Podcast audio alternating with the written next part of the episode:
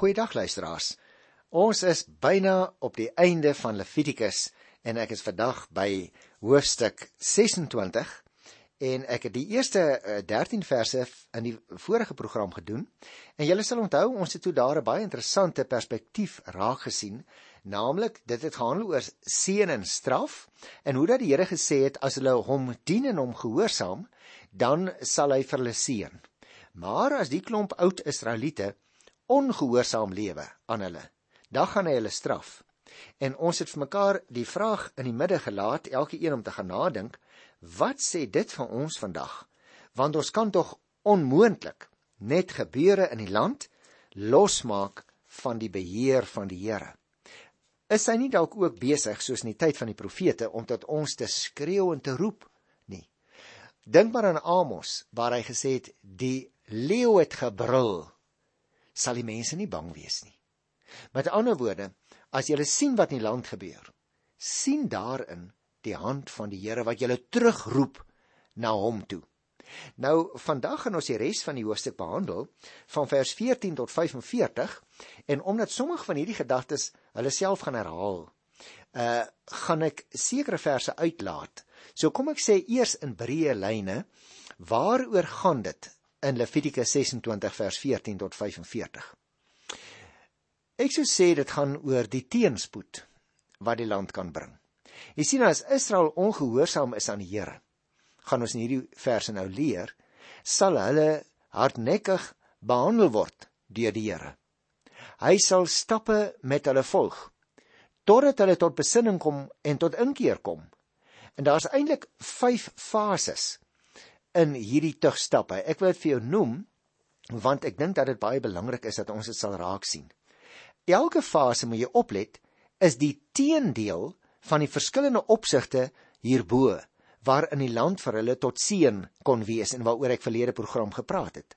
In elke fase word die land al meer vir hulle 'n vloek. Kom ek sê dit eers anders. Dit beteken luisteraars, ek bedoel om te sê, dit is asof die Here nou vir hulle in detail gaan verduidelik Ek gaan die skroef op julle aandraai. Hoe meer ongehoorsaam julle wees, julle gaan wees, hoe swaarder gaan ek die druk op julle plaas sodat julle kan terugkom na my toe. En dit is dus die hele gedagte waarom ek ook vir jou sê luisteraar, jy en ek moet na die situasie in ons land kyk. En dikwels sê ons vir onsself, maar joe, dit gaan van erg na erger. En dan vra ons osself nooit af, maar is daar nie dalk ook 'n perspektief in die Bybel nie? Nou hier het ons 'n baie interessante perspektief in Levitikus 26. Dat hoe erger dit gaan, hoe meer is die druk wat die Here op die gelowiges plaas ten einde hulle te bring op die punt om tot nuwe oorgawe en toewyding te kom, maar nie net met woorde nie, in die daad.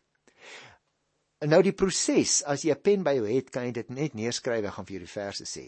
Eers sal die Here die land vol siektes en misoeste en vyandelike invalle maak. Jy kan maar net neerskryf vers 16 en 17. Ehm um, dan kan jy dit later maar kyk hoe dat die druk geleidelik uh gaan toeneem. Uh en dit begin by vers 16 en 17. Dan vers 18 en 20 noem hy 'n volgende fase. Ek het gesê daar's 5 fases. Nou in hierdie tweede fase sal die volk gebuk gaan onder droogte. Dan kom daar 'n derde fase uh wat 'n mens hierso kry in vers 21 en 22. Dit gaan die derde fase wees. Uh en daarin sê hy sien as Israel dan volhou om ongehoorsaam te wees, gaan God een stap verder. En dan hy sal die teendeel van vrede oor hulle laat kom. Roofdiere sal verskrikking voer in daardie fase. En dan kom 'n mens by die 4de fase. Dit is vers 23 tot 26. Dan sal vyande van buite en pessiektes van binne hulle getalle afmaai. Ooh, nou dit maak my amper bang. Luisteraars, mag ek dit weer sê? Vyande van buite en pessiektes van binne wat die mense in die land afmaai. Dink jy, onthou jy die vigspandemie? Uh dalk wil jy weer 'n keer daaroor dink. En goed, dan kom die finale fase, vers 27 uh tot by vers 38, dit is die 5de fase. En as ons dit nou nou so bietjie gaan bekyk, dan sien jy sien in hierdie finale fase sal die land totaal verwoes word en Israel in ballingskap uit die land weggevoer word. Nou al hierdie stappe is natuurlik op een saak gerig, naamlik om Israel na die Here, hulle God toe terug te bring. Die Here is nie daarop uit om sy volk te verwoes nie, maar juis om hulle te red en om hulle aan hom te verbind. Hy dryf hulle tot waar hulle nie anders kan nie as om tot besinning te kom en in berou self te besluit om na die Here toe terug te keer. Nou dit is die breë verband luisteraars van hierdie uh, Levitikus 26 van vers 14 tot 45. Nou ek wil enkele aspekte daarvan net so 'n bietjie behandel. Kom ons begin uh, by vers 14 en 15. Daar staan as uh, en nou moet julle oplet elke keer met hierdie vyf afdelings begin hy elke keer met as. Miskien die van julle wat 'n potlood byderhand het, uh, wil dit dalk uh, sommer net 'n kringetjie daar omtrek. Dan kan jy 'n kringetjie trek om vers 14. Daar's die eerste as. Die tweede een is in vers 18. Dit wy, wys hierdie uh, vyf fases baie duidelik uit. Vers 21 is die derde as, derde fase. Vers 23 begin die vierde as. Julle uh nie tot ander insig te kom nie. En die laaste fase begin in vers 27 as julle hierna nog nie na my luister nie gaan en my steeds teenstaan, sal ek julle in woede teenstaan. Goed, kom ons kyk na vers 14 en 15. As julle egter nie na my luister nie en nie alles doen wat ek julle beveel nie, as julle my voorskrifte en bepalinge verwerp en my minacht met minagting behandel, sal julle nie my bevele nakom nie en my verbond verbreek. So daar het ons dus nou die eerste voorbeeld. As hulle nie sy voorskrifte nagekom het nie, dan het dit natuurlik beteken dat hulle die verbond verbreek het.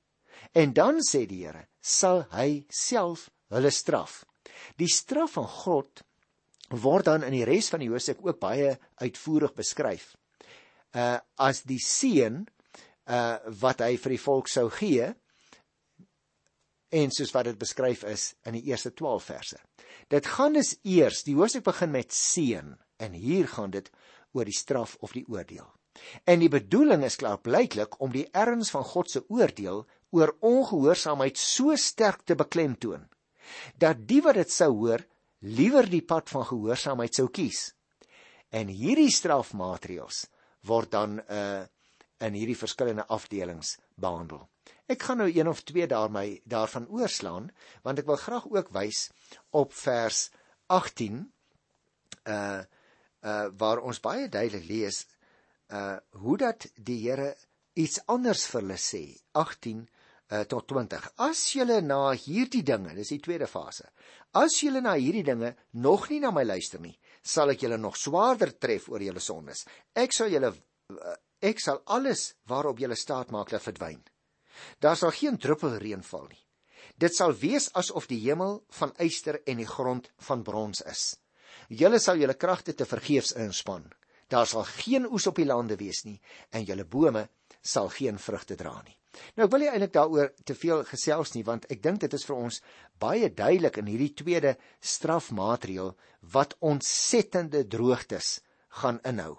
Met 'n uh, vyhandige invalle kon 'n mens nog miskien so bietjie jou graan en jou oes wegsteek, maar 'n verskroeiende droogte sny alle moontlikheid daarvan af. In die bestaansekonomie uh van destyds uh waar daar net genoeg gesaai is vir die jaarlikse behoeftes was een droë jaar natuurlike ramp. En hierdie straf is dan ook die teenstelling met wat die Here beloof het in vers 4 en 5 hoe hy hulle wou seën maar nou sê hy as julle my dan uh nou nie wil dien nie julle bly ongehoorsaam dan gaan ek julle uh met groot woede begin straf. Let op die derde fase.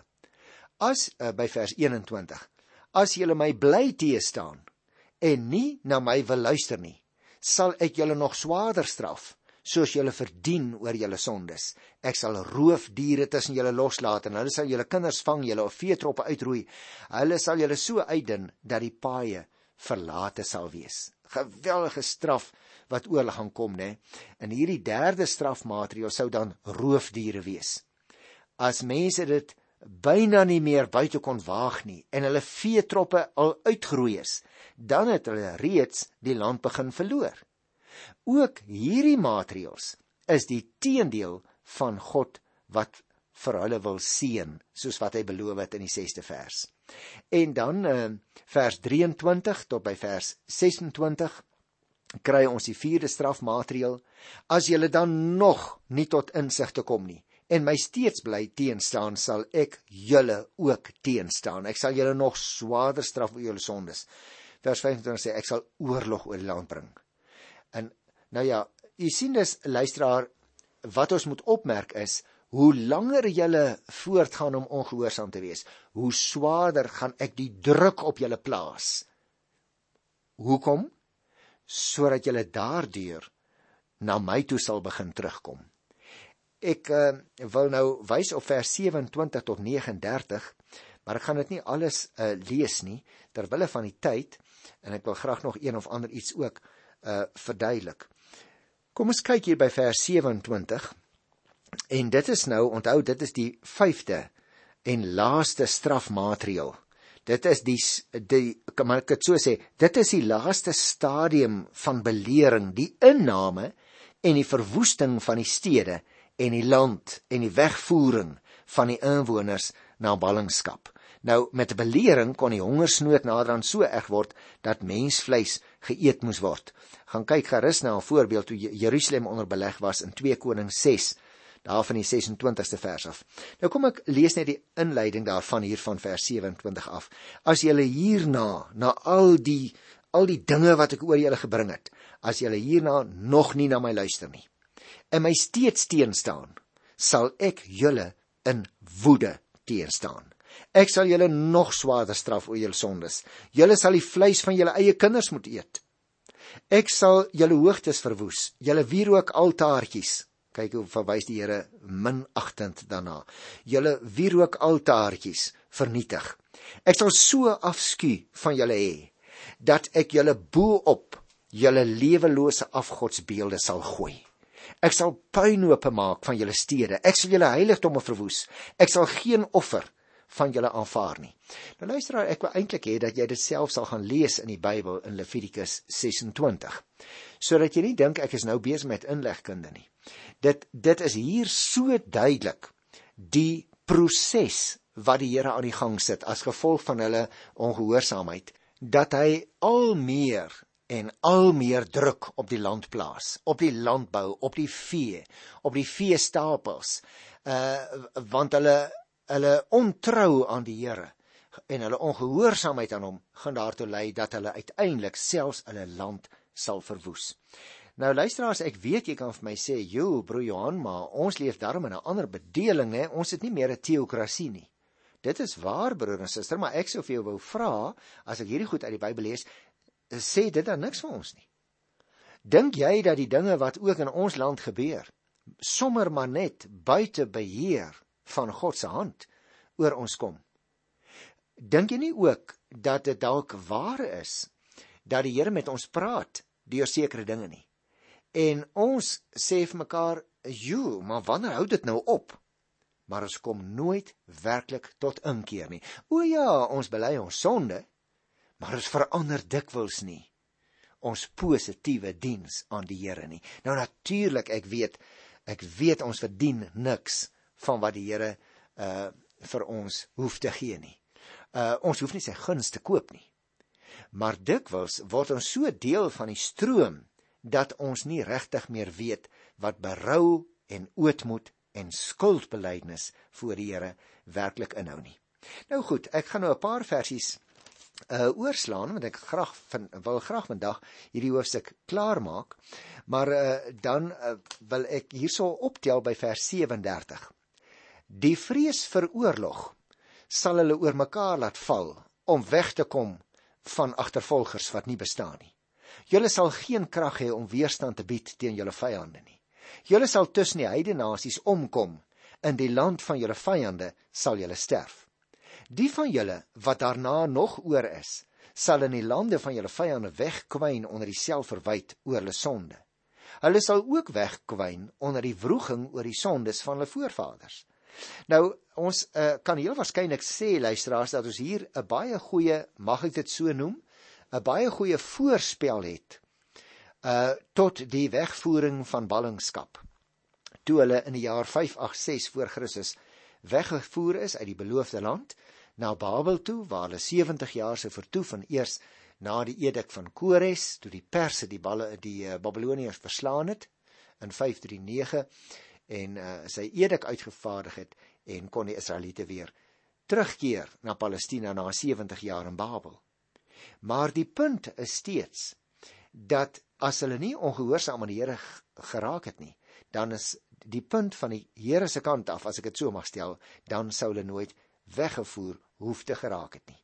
En daarom wil ek nou baie graag by vers 39 en 40 uh so bietjie afwyk om 'n breër opmerking uit die Here se woord uh net vir julle uit te wys wat vir my ek ek ek wil dit eintlik nie lees nie. Ek wil dit eintlik nie eers vir julle sê nie want dit maak myself bang. Kom ek lees weer hier by Levitikus hoofstuk 26 vers 39. Die van julle wat daarna nog oor is, sal in die lande van julle vyande wegkwyn onder die selfverwyd oor hulle sonde. Nou luister nou mooi. Hulle sal ook wegkwyn onder die wroging oor die sondes van hulle voorvaders. Hulle sal hulle sonde en die wat hulle voorvaders teen my begaan het, bely. Nou luister as ek wil hier nou 'n aspek uitwys want jy sal onthou dat daar al dikwels politiekery gemaak is van die hele gedagte dat iemand ook die sondes van die voorvaders kan bely. En die eerste keer toe dit in ons land gebeur het, toe onthou jy was daar 'n hele herrie. En mense het gesê maar wie's daai ou nou om uh, die sondes van die voorvaders te bely? Die Here het hulle al lankal vergewe as hulle dit bely het. En tog kry ons interessante voorbeelde en as jy 'n pen het, wil ek vra dat jy dit aanteken dan kan jy later self daaroor bid en daaroor dink. Die eerste ene wat ek wil uitwys is wat ons nou hier raak lees in Levitikus 26, die laaste sin uh vers 39 en 40. Hulle sal ook wegkwyn onder die wroging oor die sondes van hulle voorvaders. Hulle sal hulle sondes en die wat hulle voorvaders teen my begaan het, bely. Hulle sal erken dat hulle my teëgestaan het. Dit gaan dus hier daaroor, luisteraars, dat ons voorbeelde het in die Bybel van gelowiges wat in 'n bepaalde tyd situasie aankom, dan begin besef wat aan die gebeure is en dan ook die sondes van voorvaders bely. Hierdie is die eerste voorbeeld. Die tweede een wat ek graag vir jou wil uitwys, kry mens en daar's nog ander ook. Ek gaan so 3 of 4 uitwys terwyl van die tyd. Ehm uh, kry mens in Esra by die 9de hoofstuk vers 6 en vers 7. Luister bietjie. Daar staan: Ek het gebid, my God, ek is te skaam. Ek het nie die vrymoedigheid om my kop voor u op te tel nie. Ons sonde. Let op, hy praat nie van sy sonde nie. Hy praat van ons sonde is hoog opgestapel. Ons misdade staan hemelhoog. Van die tyd van ons voorvaders af tot vandag toe is ons bestaan vol oortredings teen U.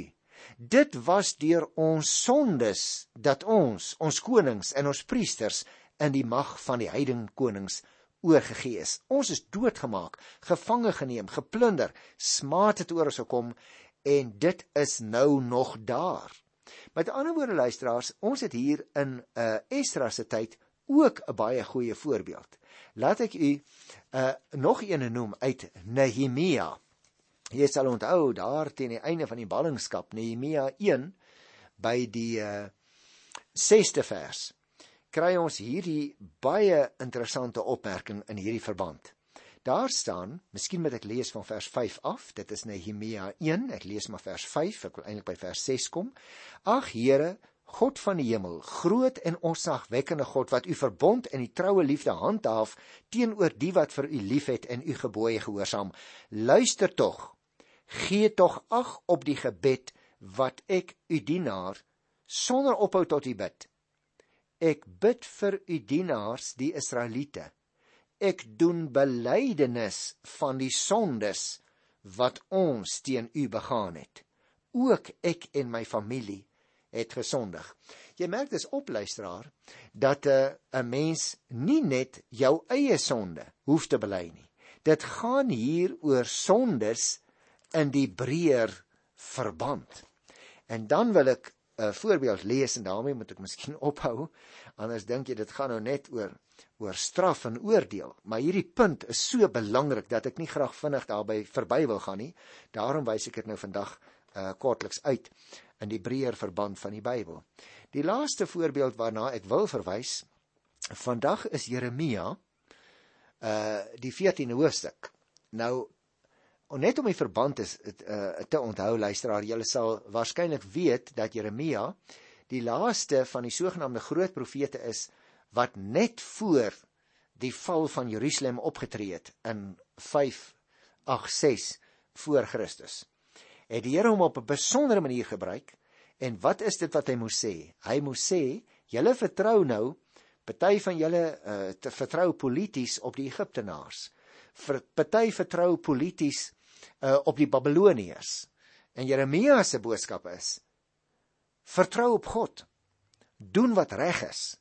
Maar dan om hierdie tema waaroor ek gesels uh nog 'n keer te beklemtoon, wil ek lees wat hy sê in Jeremia 14 by die 20ste vers.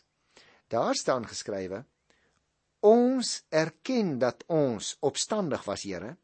Ons het teen U gesondig. Ons bely ook die skuld van ons voorvaders. Nou, ek dink luisteraars, as daar by jou enige twyfel was dat dit Bybels verkeerd is om die skuld van voorvaders te bely, dan kan daar nou nie meer wees nie. En ek verbaas my elke keer as ek oplet hoe dat mense dikwels op grond van politieke oorwegings beswaar maak as die sondes van voorvaders bely word dan wonder ek soms of of ons regtig in die Bybel lees want ons het hierdie voorbeelde uh, wat baie duidelik is waarna ek vandag verwys het en waaruit daar geen twyfel is nie dat mense ook die skuld en die oortredings en die sondes van hulle voorvaders uh, kan bely En dan wil ek net afsluit met die 46ste uh, versie. Dit is die laaste vers in Levitikus uh 26, want jy sien uh hierna bly daar net een hoofstuk oor, naamlik hoofstuk 27 en hy staan so bietjie op sy eie.